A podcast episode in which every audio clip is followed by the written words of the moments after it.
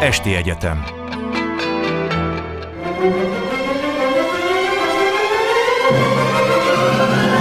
A világ urai Merre rángatják a világ szekerét a hatalmasok? Szénási Sándor műsora Jó estét kívánok! Ma esti vendégünk Tehet Péter, a Freiburgi Egyetem kutatója. Jó estét önnek is! Jó estét kívánok! Amiről pedig beszélünk, pontosabban akiről fogunk beszélni, az eh, Silvio Berlusconi, illetve hát az a fajta illiberális politika, amit állítólag ő eh, kövezett ki, alapozott meg Európában, és eh, aminek kapcsán egyébként, tehát bárki és bármit gondol róla, Olaszország egyik legsikeresebb politikusa volt, aki a második világháború után, hát hogy, hogy mondjam, csak így, hanem is folyamatosan, de a legtöbb időt töltött a miniszterelnöki székben. És kétségkívül szerdán, amikor a Nemzeti Gyásznapot kihirdették, akkor óriási tömeget vonzott az ő búcsúztatásának a híre a Milánói Dóm elé, ahol 20 ezer ember fér el, és hát a európai vezetők közül nagyon-nagyon sokan, tehát nem csak Orbán Viktor mentek el, hogy búcsút vegyenek tőle, akit valamilyen módon, maga fals módon, vagy néha elítélően sok kanyarral, de elfogadtak az európai szintér egyik meghatározó figurájának. Tulajdonképpen mi volt az, ami annyi vita után eljutatta őt erre a pozícióra, mert én emlékszem arra, hogy korábban bolykottálták őt, Merkel maga lépett fel az Európai Unió vezetőjével egy ilyen kormányfői meguttatás ügyében, rettentő prostó módon tudott nyilatkozni egyébként a unió női politikusairól, szóval nem, nem nagyon kedvelték őt, és most mégis ez a szerda mást mutatott. De miért? Hát ugye Berlusconi végig is az európai jobb középpártcsaládnak volt a tagja, tehát amióta ő 1994-ben megjelent a Forza Itáliával az olasz pártszintéren, ő a jobb közép, az olasz jobb közép vezérszerepére jelentkezett be, hiszen összeomlott akkorra a korábbi nagy kereszténydemokrata párt, és annak az örökségét akarta átvenni, de valóban egy másfajta stílust és azért sokban másfajta tartalmat is képvisel, de ő kezdettől az Európai Néppártnál volt, és noha valóban mondjuk így sajátos volt a stílusa, főleg Merkel kapcsán,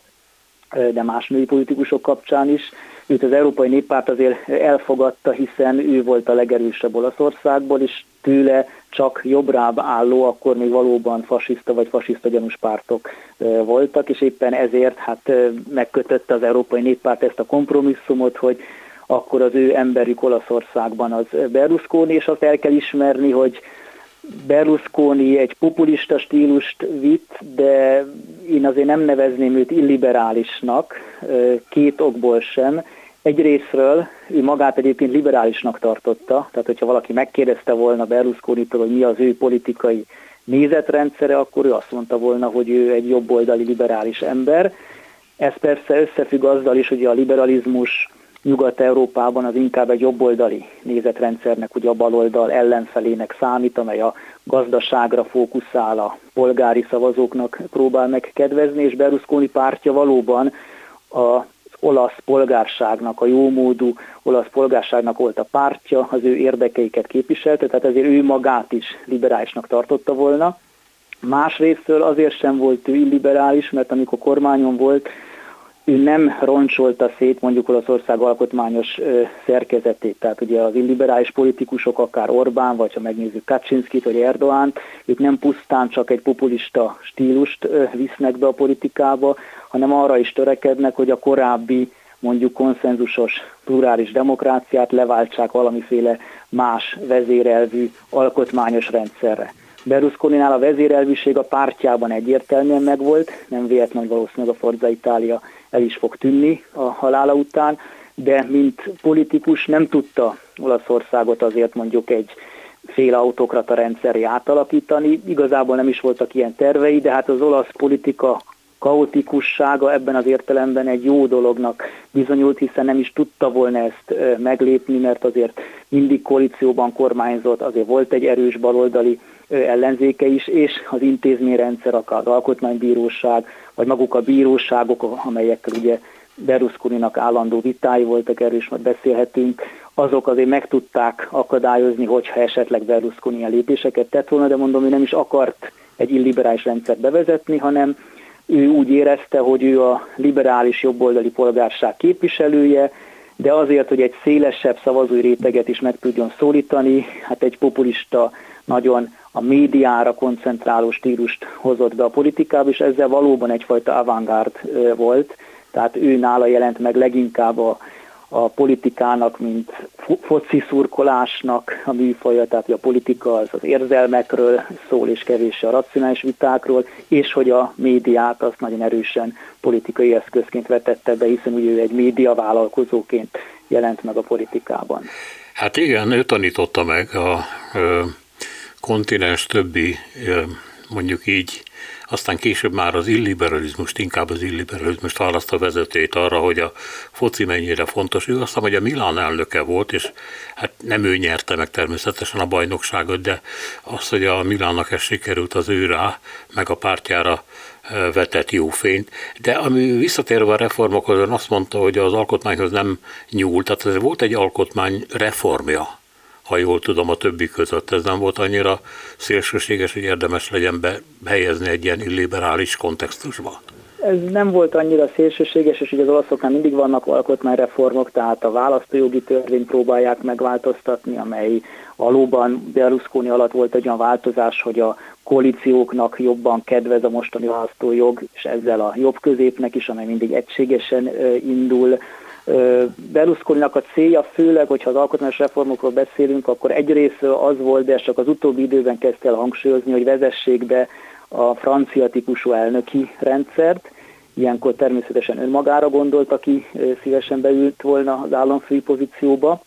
és Meloni egyébként lehet, hogy ezt a lépést meg is fogja tenni. Másrésztől, hogy ő állandóan, már Berlusconi azt állította, hogy Olaszországban a bíróságok túl nagy politikai hatalommal rendelkeznek, nem is az alkotmánybíróság, hanem a rendes bíróságok, és ott kommunisták ülnek, ugye ő állandóan a kommunisták ellen harcot, noha 30 éve nincs már kommunista párt, és ezeket a kommunista bírókat próbálta ő meg igazsági reformokkal kijebb tolni, vagy a hatalmukat csökkenteni. Az tény is való egyébként, hogy Olaszországban a bíróságok sok tekintetben egy politikaibb szerepet visznek, mint más európai országokban. Még vannak úgynevezett ilyen bírópártok is, tehát hogy a progresszív baloldali bírók egy saját csoportosulásba tömörülnek, és a bírói munkát úgy tekintik, hogy azzal ők nekik politikai változásokat is, társadalmi változásokat is be kell indítaniuk, tehát kicsit túllépnek a jogalkalmazás klasszikus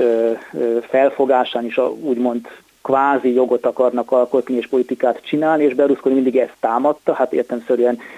személyes okokból is, hiszen elég sok per volt vele szemben. Egyébként ez az öröksége is megmarad, mert pont szerdán jelentette be a igazságügyminiszter, aki Berlusconi pártjához tartozik, hogy Berlusconinak úgy tudnak, vagy berlusconi úgy tudnak leginkább szépen emlékezni, hogyha meglépik ezt az igazságügyi reformot, amivel visszaszoríthatják esetleg a bírák hatalmát.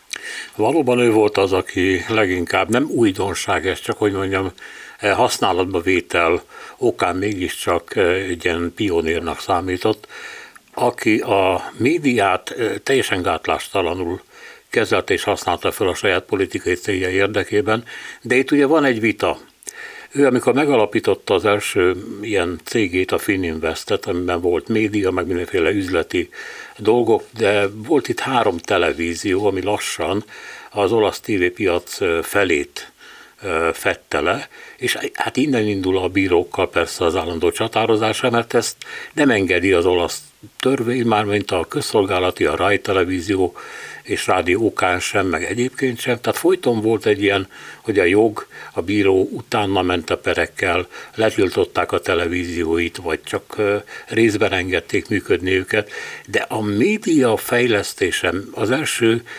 olasz magántelevízió létrehozása az, hogy kitalálta, hogy ő hírműsorokat gyárt, és ezzel olcsón eladja a saját politikai programját a külön különféle televízióknak, ez az ő találmánya volt, és gyakorlatilag ez végig, szinte végig meghatározta az olasz televíziós piacot. És hát innen az a tanítás, ugye, amit sokan megtanultak tőle Orbán is, hogy a médiát mindenképpen birtokolni kell. Igen, ugye Berlusconi egy médiapolitikus, tehát médiavállalkozóból lett médiapolitikus, és egyébként az, hogy ő belépett a politikába 94-ben, az nem csak amiatt van, mert megürült a jobb oldal, és ott látott egy teret, amit ő el tud foglalni, hanem épp azért, mert olyan törvényekre készült akkor az olasz parlament, amely pont az ő médiabirodalmát veszélyeztette volna, tehát ő is mondta, bizonyos korlátozásokat vezettek volna be, és ő ezt akarta megakadályozni, és hát ebből a személyes motivációból lépett be a politikába. Tehát Berlusconi nem mindig lehet azt látni, hogy ő üzletemberként is gondolkodott, amikor belépett a politikába. Mondjuk ez egy nagy különbség Orbánhoz képest, hiszen Orbán ugye nem üzletemberből, gazdag üzletemberből lett politikus, hogy aztán megvédje a magánvagyonát, hanem ő eleve politikusként szerzett, vagy legalábbis a családja valószínűleg jelentős magánvagyont, amely állami vagyonként van sokszor kezelve, és ugye Orbán az állami médiát is leuralta. Berlusconi azért nem uralta le mondjuk a Ráj közszolgálati televíziót, hanem ő a saját csatornáit akarta védelmezni a Rájjal szemben. De azt is, hogy a médiában is jelentős újításai voltak, tehát ugye Olaszországban egészen 80-as évekig tiltva volt a magántelevízió, tehát csak a ráj közszolgálati adói működhettek, és Berlusconi először ezt úgy játszotta ki, hogy különböző kábel csatornákat vásárolt, legelőször Milánóban még a 70-es évek végén hozott létre egy kis kábelcsatornát, és aztán folyamatosan az ország különböző pontjain helyi kábelcsatornákat vásárolt fel, amelyek azonban ugyanazt a műsort sugározták, tehát megkerülve azt a tilalmat, hogy országosan nem lehet egy magánmédia, gyakorlatilag ő létrehozott egy alternatív eh, privát médiát a rájjal szemben, és aztán valóban feloldották a tilalmat, tehát utána megjelenhetett ugye a média szett csoportjával az országos televíziók és lapok piacán is, és ezt akarta levédeni, hiszen a 90-es évek elején nagyon nem volt szabályozva az olasz média piac, és Berlusconi a tévében azt csinálhatott, amit akart, egyrészt csak a saját politikai üzeneteit közvetítette, nem engedte be a más véleményeket, de mondom, ez a saját televíziói voltak, tehát nem az államiban csinálta ezt, másrészt pedig ugye azt a stílus is behozta, hogy hát lengén öltözött nők jelennek meg akár délutáni műsorokban is, vagy akár még hírműsorokban is volt olyan, ahol az újságíró bent ült egy stúdióban, és hát nagyon-nagyon lengén öltözött hölgyek hozták be mindig papíron a híreket, és akkor ez volt a, a sónak az eleme, és hát sokan inkább a lengén öltözött hölgyek miatt nézték ezt a politikai műsort, mint a tartalom miatt és amikor a 90-es évek elején felmerült, hogy a, médi, a privát médiát jobban kéne szabályozni, például elvírni, hogy milyen tartalom lehet ott, milyen arányban kell meghívni a politikai oldalakat, akkor Berlusconi ettől megijedt, és ekkor döntött el, hogy ő belép a politikába, és jól jött neki az, hogy ekkorra pedig a olasz jobbközép teljesen kiürült, tehát a Forza Itáliával be tudott ide nyomulni. Még visszatérve a focira, ugye maga Forza Itália, és ami azt jelenti, hogy hajrá Olaszország körülbelül, az is ugye a foci szurkolóktól jön, hiszen ez a foci szurkolóknak az ordibálása az olasz csapat mellett, és az egész pártot is nem egy klasszikus pártként építette föl, mint ahogy mondjuk a kereszténydemokraták vagy a kommunisták működtek, hogy nagyon sok pártszervezet és halom belső vita és frakció, hanem a foci szurkolói klubok mintájára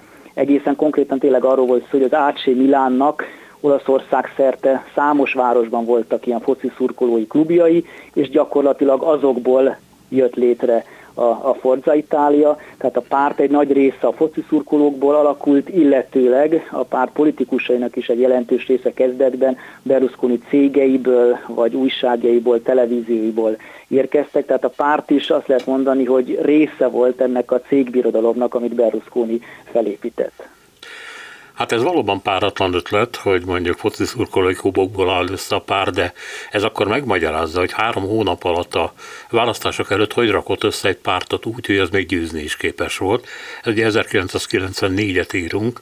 ami egyébként olyan sok sikert akkor még nem hozott neki, mert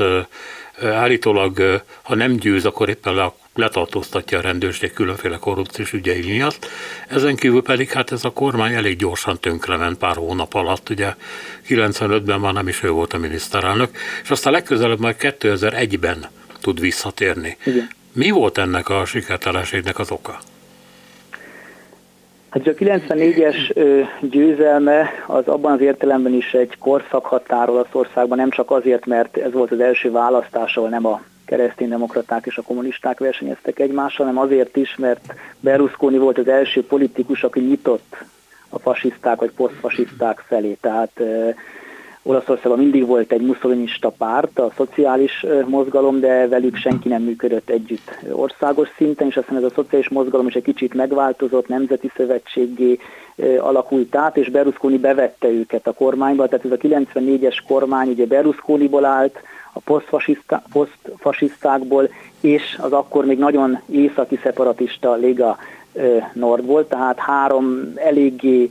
korábban outsider tényezőből jött össze, és ez is persze viták forrása lett, főleg azért, mert az Északi Liga akkor még sokkal több szeparatizmus is akart volna, tehát majdnem tényleg komolyan gondolták, hogy Észak-Olaszországnak el kéne szakadnia, és ezek a belső vitákat, ezeket a belső vitákat Berlusconi nem tudta megoldani, valamint ugye 96-ban a baloldal sikeresen összefogott, az egykori kommunisták összeálltak a kereszténydemokraták balszárnyával, és le tudták győzni, ugye ez az úgynevezett olajfa koalíció Romano Prodi vezetésével berlusconi és ezért volt ez a sikertelenség, de ő végig ugye megmaradt az olasz politika vezető személyének, ezért valóban jelentős, mert nem csak a leghosszabb ideig volt ő mindig miniszterelnök megszakításokkal, de nagyon hosszú ideig, tényleg 94 óta folyamatosan, tehát majdnem 30 éve folyamatosan meghatározta az olasz politikát, ami a baloldalra is kivetült, mert a baloldal pedig az elmúlt 30 évben igazából más üzenettel nem is rendelkezett, csak hogy nem mi vagyunk a Berlusconi, ha nem akarjátok, hogy Berlusconi győzön, akkor szavazzatok ránk. De a baloldal is mindig megbukott, mert kormányon meg kiderült, hogy azért posztkommunisták és baloldali katolikusok nem mindig tudnak egymással együttműködni, és ilyenkor tudott aztán Berlusconi visszajönni, akinek a kampányszövege mindig az volt, hogy a kommunisták ellen harcolt. Tehát például, amikor 94-ben ő bejelentette, hogy elindul a választásokon, ezt egyébként ilyen amerikai stílusban a dolgozószobájában ülve a családi képek előtt az összes tévéjén egyszerre sugározva mondta el egy nagyon patetikus beszédben, hogy hogy szereti Olaszországot és mennyire aggódik, és akkor is ez volt neki az érve, hogyha nem jövök, akkor minek után összeomlott a kereszténydemokrata párt, jönnek a kommunisták, másképp, hogy a kommunisták is addigra már rég összeomlottak, tehát nem volt túl nagy veszély, de ha jönnek a kommunisták, és nekem kell őket legyőzni, és ez volt neki folyamatosan az elmúlt 30 évben a jelszava, hogy ha nem én, akkor a kommunisták. A baloldal pedig mindig azt mondta, hogy ha nem mi, akkor meg Berlusconi, és ez egy nagyon erős polarizációhoz vezetett az olasz ö, ö, társadalomban, miközben egyébként mondom, kommunisták már nincsenek 30 éve. Van még valami, ami lehet, hogy őtől lejön. 2001-ben, amikor éppen visszatérőben volt, akkor a, a TV stúdióban ő aláírt a nyilvánosság előtt egy szerződést az olaszokkal nevű hát nem is tudom micsodát, amiben mindenféléket ígért. Ugye ott állt a stúdióban, ott volt egy hatalmas tábla, és akkor aláírta a nevét a különféle ígérvények alá, mint szerepelt az, hogy munkalehetőségek, nyugdíjemelés, adócsökkenés, hát minden, ami finom és fogyasztható, és akkor ezt aláírta, és akkor az ország tapsolt. Ez később egyébként Magyarországon is megismételték, nem föltétlenül baloldali, vagy jobboldali politikusok, hanem baloldaliak is. Tehát úgy látszik, hogy ezzel is divatot tudott csinálni. De volt még valami, amivel ő kiterjesztette a működését. Ugye mindig a legalitás meg a törvénysértés határán mozgott inkább, inkább az utóbbi felé hajolva, de ennek ellenére nem lehet mondani, hogy a maffiával való kapcsolatot ő találta volna ki. Mégis sokan mondják, hogy részben védelmi pénzeket fizetett korábban a maffiának, később pedig kvázi össze is állt különféle közvetítőkön keresztül, hogy részint védje a tulajdonát, részint hatatosan föllépjen a törvényel, a bírákkal szemben, hát részint pedig, hogy segítsék abban, hogy politikai szerephez jusson. Erről mennyit lehet tudni? Igen, hát ugye Berlusconi építési vállalkozóként kezdte a karrierjét. A, tehát legelőször már egyetemista korában ingatlan vállalkozó volt, még Milánó környékén, és aztán utána ez a Fininvest cég, ez legelőször egy építési vállalkozói cég volt. És hát ugye ez a 70-es évek vége, 80-as évek eleje, amikor nagyon nagy építkezések vannak Olaszországban, még azért tart a gazdasági fellendülés időszaka, de hát azért azt mindenki tudja Olaszországban, hogy pláne délen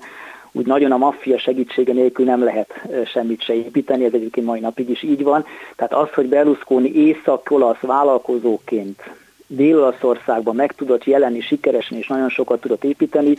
az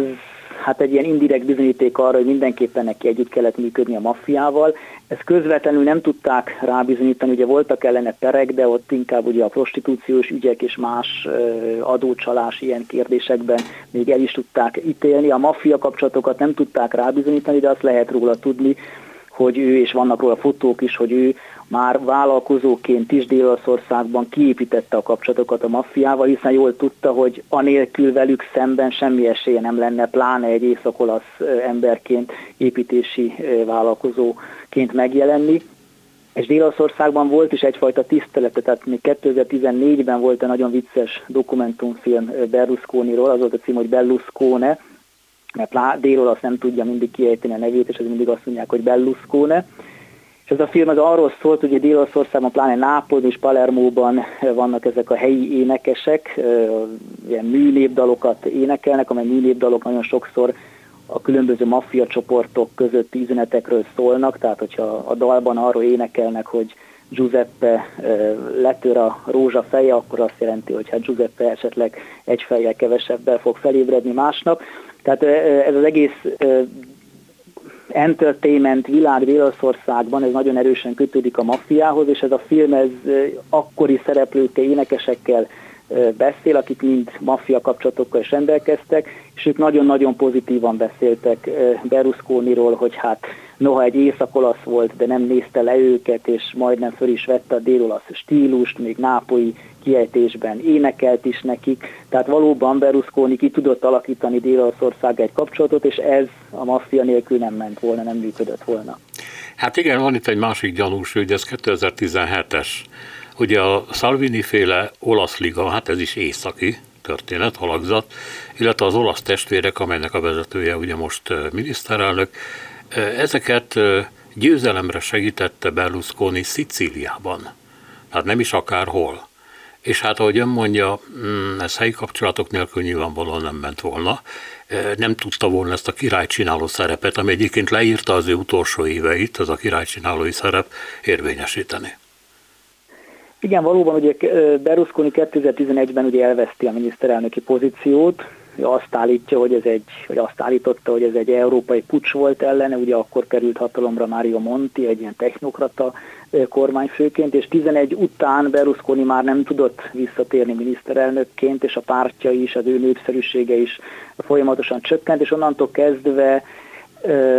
egy ilyen királycsináló szerepbe lépett be. Ugye ő nagyon hosszú ideig azt tervezte, egyrészt, hogy 120 évig él, de hát ez, mint látjuk, nem jött be neki. Másrészt, hogy majd ő fogja meghatározni, hogy az olasz jobboldalt utána kiirányíthatja, de éppen azért, mert a Forza Itália egy teljesen vezérelvű párt volt, Berlusconi kívül nincs senki, aki komolyan szóba jöhetett volna jelöltként, és nagyon hosszú ideig ugye Salvini nézett úgy ki, hogy ő lesz majd az olasz jobb közép új vezére, és ez mondjuk Berlusconi javára irandó, hogy ő soha nem ismerte el Szávinit vezérként, sőt, mindig azért próbálta akadályozni. Éppen azért, mert mondom, Berlusconi azért atlantista volt, igazából elfogadta az európai integrációt, a menekült kérdésben se tetszett neki az a nagyon brutális stílus, amit Szávini képviselt, tehát ő soha nem mondta azt ki, amit Szávini elvárt volna tőle, hogy hát akkor átadom rád az örökséget, legyél te az olasz jobb közép új vezére.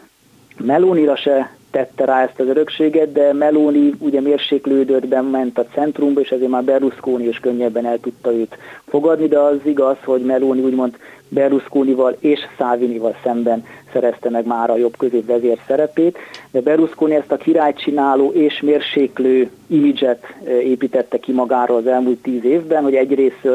ő azért háttérben még a szálakat a kezében tartja, ez egyfajta üzenet is volt a nyugat felé, hogy a nagy baj nem lesz, mert még hogyha jönnek a fasiszták, és akkor is én, mint európai néppárti politikus azért mindig mérséklően fogok hatni. Másrésztől azt a képet is sugározta a belföld felé, hogy az én akaratom ellenére azért nem lesz senki az olasz jobbközép új vezére, tehát még hogyha nem is az én pártomból jön az új vezér, arra azért ügyelni fogok, hogy ne a szélső jobbra érkezzék. Azért az ember csodálkozik azon, hogy hogy tudott ilyen sokáig fönnmaradni a belpolitikában, illetve lehet, hogy a, az olasz pártrendszer vagy politikai rendszer olyan, hogyha valaki oda bekerül, akkor már csak az, az a fontos, hogy jól tudjon mahinálni, és időnként eldönteni, hogy melyik egyébként ellentétes oldalakra áll át. Ez vele is előfordult, hogy a bal kormányhoz átállt, aztán vissza, aztán megint vissza. Churchill-el is előfordult ilyesmi, de azért az a helyzet, hogy amikor 94-ben egy millió új munkahelyet ígért az olaszoknak, és hát ebből nem vált valóra, nem mondom, hogy semmi, de hát nagyon kevés, a nyugdíjemelések, meg az adócsökkentések, stb. stb. Amikor ezek nem bizonyultak igaznak, akkor az emberek nem szerettek ki belőle azonnal. Elfogadták azt a magyarázatot, hogy hát most olyan idők járják, hogy még neki se sikerül. Ez azzal függ össze, valóban az olasz politika az kaotikus, tehát a politikusok azok vándorolnak ide-oda. Berlusconi pártot nem váltott, de mondjuk a sár pártjának is volt több neve, tehát egy ideig Forza Itáliának hívták, aztán átváltott a Szabadság népére, aztán volt a Szabadság háza, és most megint Forza Itáliának nevezik. Az, hogy Berlusconi ennyire meg tudott maradni, az szerintem a karizmatikus személynek köszönhető, és annak, hogy ezzel az antikommunista retorikával sikeresen polarizálta az olasz társadalmat. Az tény is való, hogy ugye Olaszország, ahol a hidegháború idején Nyugat-Európa legerősebb kommunista pártja működött, ott a polgárság egy bizonyos részében tényleg megvolt mindig az a félelem, hogy jaj, jönnek a kommunisták, és akkor majd elveszik a kis cipőboltomat, meg elveszik a kis fagylaltozómat, és minden államosítani fognak, meg emelik az adókat, stb. stb. És Berlusconi ezekre a félelmekre épített, és noha 91-ben a kommunista párt gyakorlatilag megszűnt, ezek a félelmek kitartottak egy bizonyos szavazói rétegnél, ezért van az, hogy Berlusconi mindig is azt mondta, hogy ő a kommunistákkal harcol, sőt azt mondta, hogy az öt csillag, ugye ez az új balpopulista mozgalom, azok is kommunisták lennének, és hogy ő az egyetlen, aki az antikommunista dolgozó polgárságnak az érdekeit eh, képviselni. Tehát a videóiban is mindig ezt az érzületet adta át. Tehát valóban ő ígért sok mindent, és abból elég kevés jött be, meg, megkötötte ezt az úgynevezett szerződés az olaszokkal is, ami hát szintén inkább a médiasónak volt a része, mint bármiféle jogi kötőerővel rendelkező szerződés lett volna,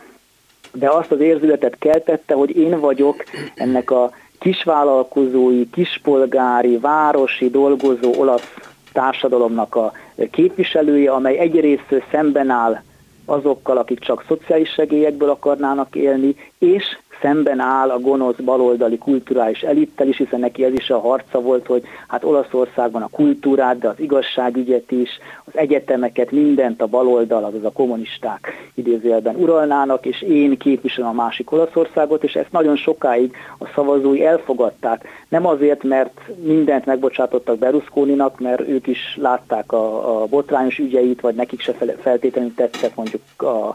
a nőkhöz való viszonya, csak Berlusconi jelenítette meg ezt a másik Olaszországot, ugye neki volt ez a híres kampány szlogenje is, hogy menomale che Silvio c'è, tehát hogy hál' Istennek, hogy van egy Silviónk, ami eleve egy nagyon sajátos kampány spot volt, ami arról úgy néz ki, hogy nők és férfiak énekelnek a senior prezidentének arról, hogy mennyire örülnek, hogy van nekünk Szilviónk. Ezek mind olyan emberek, akik énekelnek, valószínűleg színészek, de legalábbis olyan embereket játszanak. Az egyik az egy fagylaltos, a másik az teherautósofőr, a harmadik az kozmetikus, a negyedik az tanár. Tehát, hogy ez a dolgozó, rendes, tisztességes Olaszország, ez áll Silvio Berlusconi mellett, és a másik Olaszország az vagy ez a baloldali realitástól elszakadt elit, vagy a szociális segélyekből élő underclass.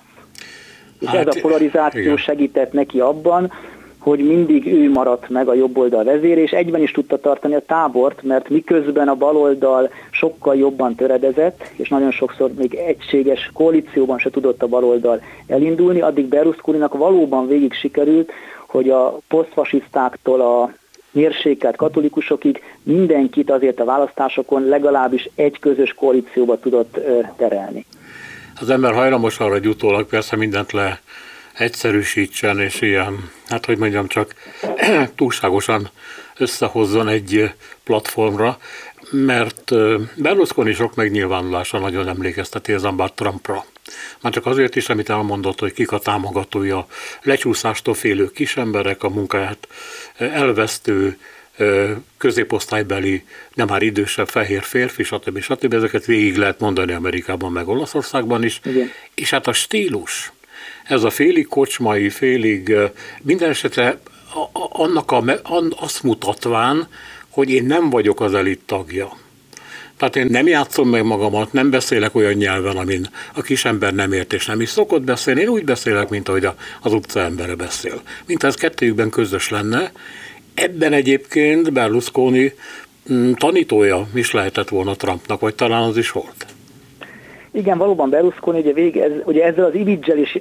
jelentő meg, hogy ő az outsider. Hát, hogy ő nem volt része a kereszténydemokrata világnak, ő nem volt része a kommunista világnak, ő egy sikeres üzletember, aki sikeresen egy vagyont halmozott föl, és most, ahogy abban a 94-es beszédében mondja, most feláldozza önmagát a haza oltárán, és a nagy-nagy veszélyeket látva, megint a kommunistákra utalva belép a politikába, de végig meghagyta ezt az outsider imidzsét, ami ez a vállalkozó imidzs is. Tehát ő sokban azt a Ugye akkoriban Európában ez a harmadik út dívott a baloldalon, tehát hogy sokkal inkább a gazdaságot kell előtérbe állítani, és érdekes módon Berlusconi is, Berlusconi-t is sokan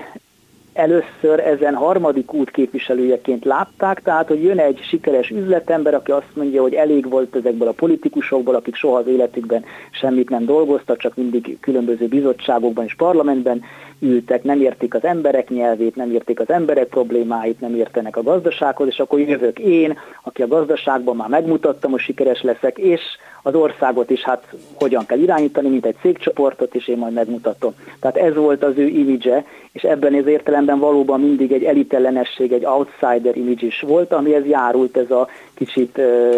harsányabb stílus is. Az más kérdés, hogy Berlusconi azért nem volt annyira az elit, eliten kívüli politikus már korábban sem, például jó kapcsolatot ápolt a szocialista párttal, amely inkább egy ilyen liberális párt volt, ugye Bettino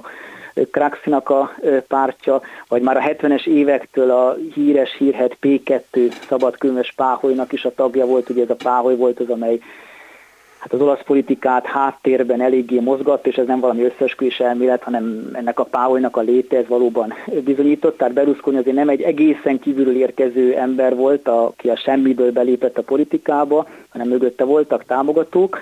de az tény is való, hogy amikor megjelent ugye 94-ben, akkor még nagyon sok baloldali, sőt liberális ember is támogatta. Például az a radikális párt, amelyet talán a magyarok onnan ismerhetnek, hogy Staller Ilona Csicsolina ennek a pártnak a színeiben volt ö, szenátor. Ez a radikális párt, amely egy antikerikális, de nagyon kapitalista, államkritikus erő volt, annak is számos politikus a Berlusconi mellé állt, mert azt gondolták, hogy hát itt tényleg jön egy friss vállalkozó, aki valami dinamizmust hoz ebbe a nagyon megkövesedett e,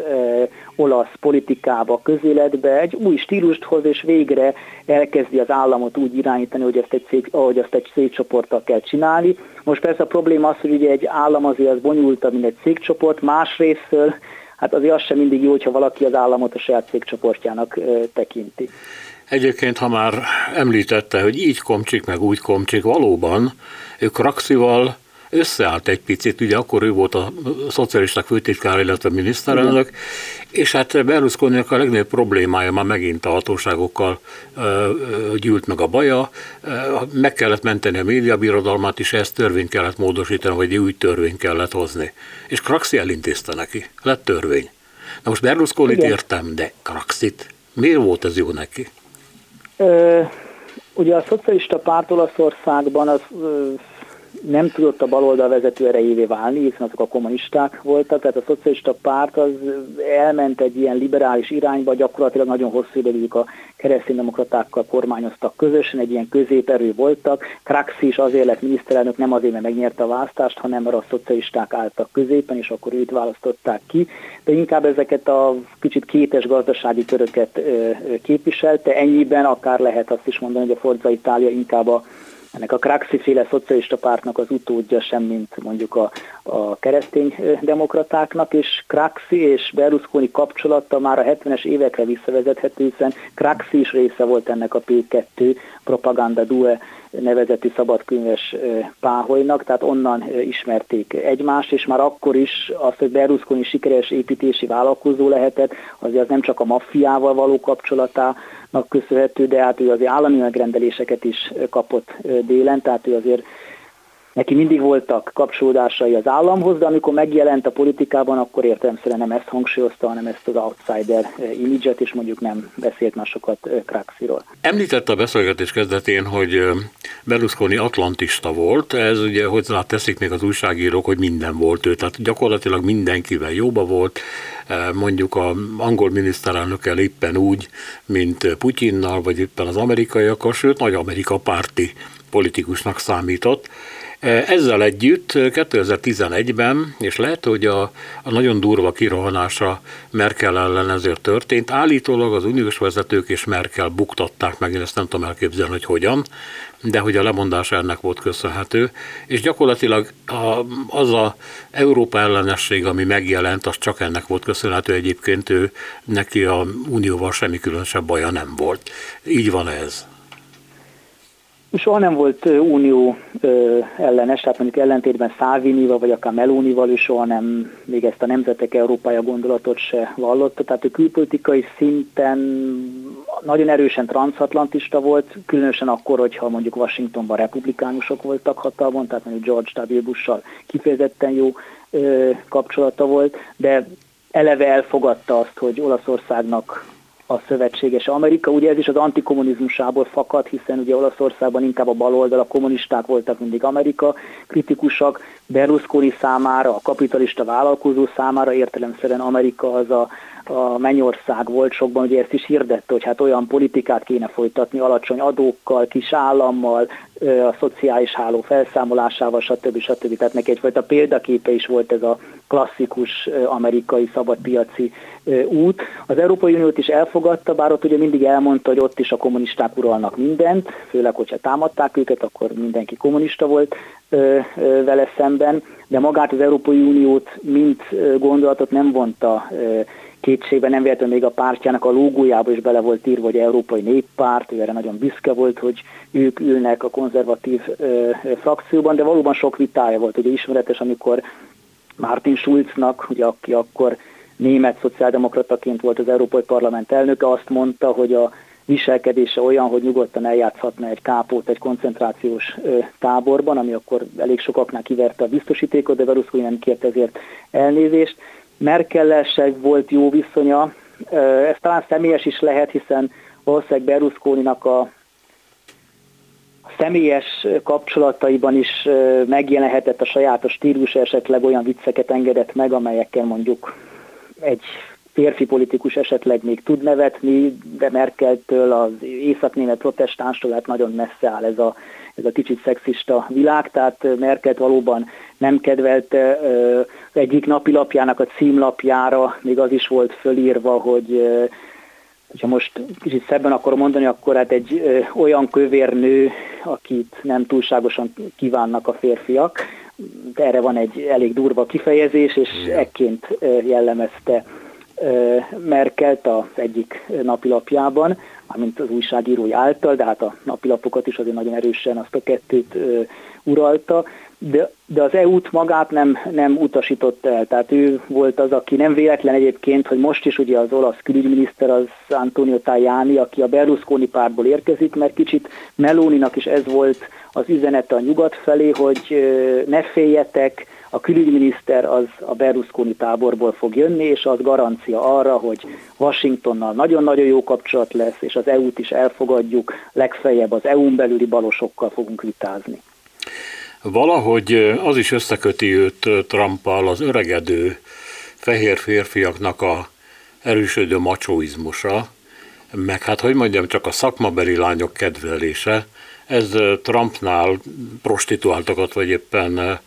felnőtt filmes nőket jelentett, Berlusconinál meg mondjuk profi erotikus táncosokat. Hát az annál jobb volt, hogy minél inkább kiskorúnak bizonyult. És hát ezek a 2008 előtti, meg utáni botrányok írják le az ő akkori hírét, nevét a világban. Ugye ez a Rubi ügy volt, amikor állítólag egy kiskorú táncosnővel szűrte össze a levet. A feleségei ugye emiatt is váltak el tőle, de valahogy úgy érzem, hogy mintha mintha ebben is lett volna egy ilyen szerepjátszás mutatni az olaszoknak, hogy, hogy itt egy férfi van, akit nem tudnak legyőzni a nők, és minél öregebb, annál érettebb, annál jobb a bor. Igen, valóban ő rájátszott erre a kicsit erre a klisészerű olaszra, tehát ugye lehet azt is mondani, hogy Berlusconi úgy viselkedett a nemzetközi porondon, ahogy általában a vígjátékokban szokták az olaszokat ábrázolni. Ez a Latin, tehát, Latin lover, ugye? Igen, tehát egy nagyhangú ember, aki szereti a nőket, aki egyébként egy vicces, kedves ember, és a légynek se tudna ártani, de azért néha kicsit agresszív, de igazából egy kedves hülye. Tehát körülbelül ugye ezt az imidzset alakította ki magáról nemzetközi porondon, tehát ezért se lehet őt ne, illiberálisnak nevezni, mert nagyon sokan nem féltek tőle, hanem legfeljebb hát vagy viccesnek, vagy botrányosnak tartották a szerepléseit, de ezek a szereplések Olaszországban valóban okoztak neki népszerűséget. Tehát ez mindig nagyon vicces volt, hogyha kiderült mondjuk róla egy nőügy, vagy egy prostitúciós ügy, akkor mondjuk az északi lapok, a holland vagy a német lapok mindig megírták, hogy hát ez most biztos be fogja dönteni Berlusconit, mert hát ilyen nincs, hogy valaki kiskorú prostituáltakkal legyen együtt. Nem, Olaszországban még kicsit növekedett is a népszerűsége, mert sok férfi szemében ez tényleg a macsó, aki még 60 évesen, 70 évesen, még 80 évesen is hát boldoggá tud tenni nőket, és ő erre rájátszott, úgy ő elmondta, hogy ő egy éjszaka 700 nőt tud boldoggá tenni, vagy a korábbi barátnő a Francesca kapcsán mindig elmondta, hogy mindig, aki nála majd 50 évvel volt fiatalabb, mindig Francesca fáradt ki a boldoggá tétel után, és ő egyébként bőven bírná még az ütemet. Tehát erre tudatosan ő, ő, ő rájátszott. Ugye ez a Rubi ügy, amit említett, ugye ő egy marokkói hát táncos hát gyakorlatilag prostituált volt, tehát ő eszkort ö, lányként dolgozott, és ezt valóban magához rendelte Berlusconi, és ő azt állította, hogy nem tudta, hogy kiskorú lett volna, ami nem igaz, ugye itt történtek is elítélések a kapcsán, de érdekes módon, hogy még Rubi is úgymond pozitívan emlékezett rá. Tehát amikor hétfőn kijött Berlusconi halálhére, akkor Rubi aki ma is Olaszországban él, nem tudom pontosan mit csinál, ő az Instagramjára egy megtört szívet rakott ki, és azt írta alá, hogy Isten veled elnök úr. Tehát még úgymond a halála után is tudta azt az imidzset kialakítani, hogy lehet, hogy egy kicsit szabados a szexuális életem, de hát ezek a nők engem tényleg szerettek, és nem csak a pénzemért szerettek, vagy nem megerőszakoltam őket, és valóban egyre fiatalabb barátnői lettek. Ugye hosszú ideig valóban volt két felesége, és aztán utána egy Francesca nevezetű lányt fedezett föl, akit rögtön be is vitt az olasz politikába, most pedig egy Márta nevezetű barátnője volt, aki szintén a Forza Itáliának a politikus, ugyanis az is jellemző volt Berlusconira, hogy voltak különböző barátnői, vagy voltak hírek, hogy éppen ki a barátnője, és azokat vagy a médiájában helyezte el, hogy műsort kaptak, újságírónők lehettek, műsorvezetők lehettek, vagy bevitte őket a képviselőházba, vagy a szenátusba, vagy akár miniszterre is tette őket. Tehát például egy barátnője az turisztikai miniszter lett. Tehát, hogy ezt az imidzset is magáról kialakította, hogy ő nagyon jól bánik a nőkkel, tehát ő az igazi olasz romantikus férfi, akinek nagy nő étvágya van, de ő nem egy vad, akit a, aki a nőket megerőszakolná. Egész életében baja volt a törvényel, és folyton üldözték a bíróságok, a rendőrség, az ügyészség. Egyetlen egyszer ítélték el 2013-ban, ugye adócsalás miatt akkor négy évet kapott jogerősen, de mivel akkor is elég idős volt, közmunkára ítélték. Ez mit jelent? Sepregetni kellett a Fórum Románumon, vagy hol?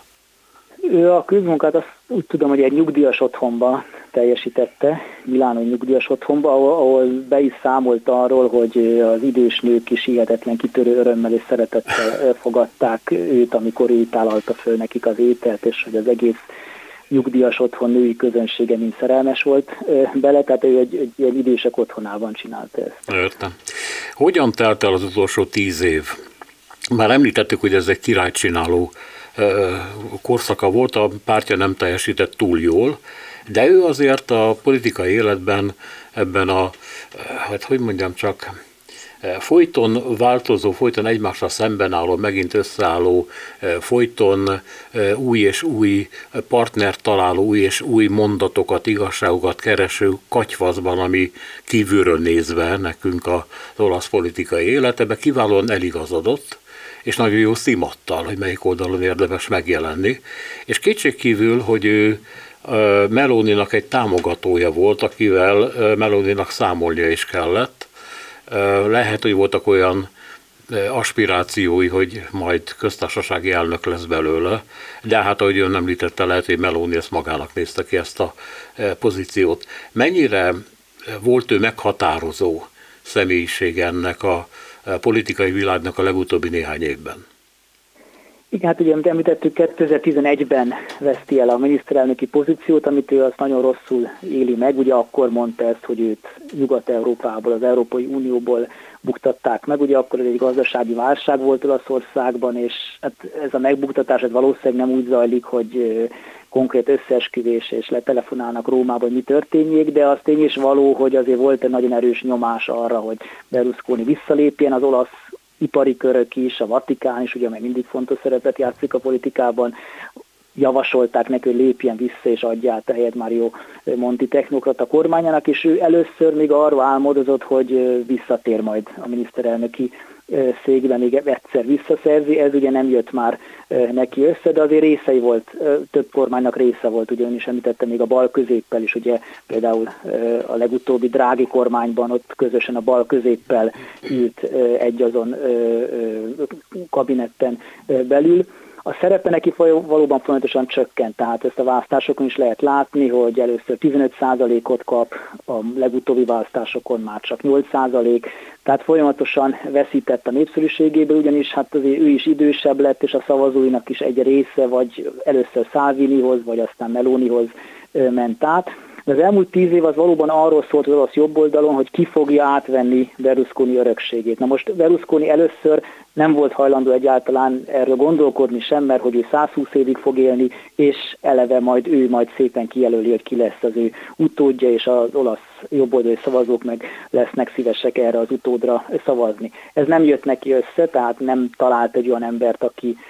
pláne a pártján belül, aki az utódja lehetett volna, és ezért az elmúlt tíz év az olasz jobboldalon a Salvini és a Meloni közötti harcról szólt, ahol az érezhető volt, hogy Berlusconi nem Salvini támogatja, mert neki túl brutális volt, túl kemény volt, túl radikális volt az a stílus, amit Salvini képviselt, és Melónit onnantól kezdve kezdte elfogadni és támogatni, hogy Meloni is behúzódott a középre, és valóban ők régóta ismerik egymást, hiszen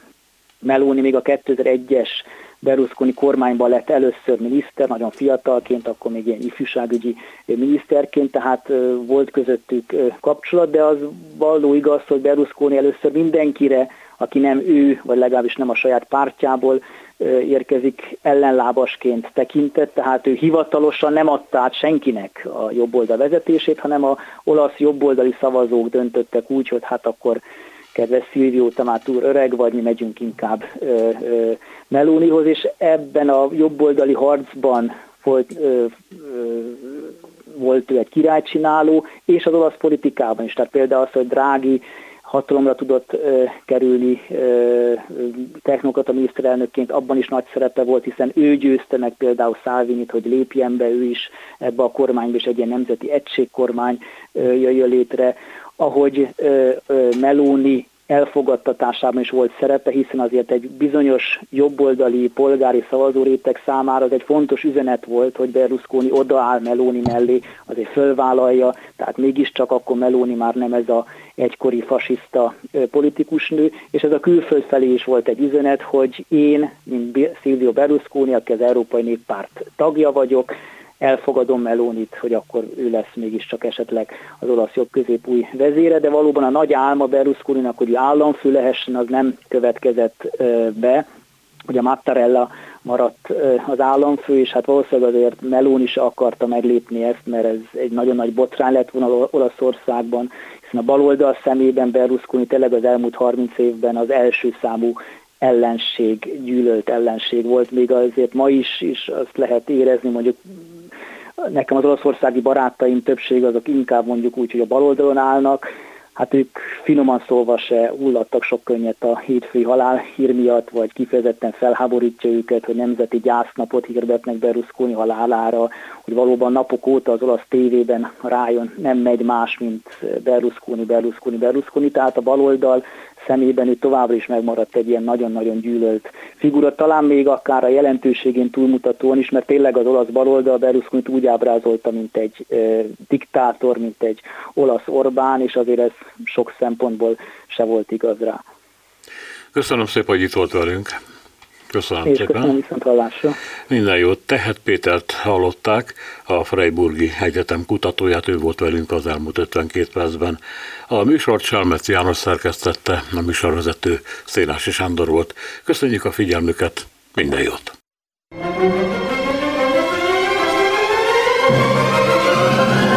A Világ Urai című műsorunkat és Szénási Sándor műsorvezetőt hallották.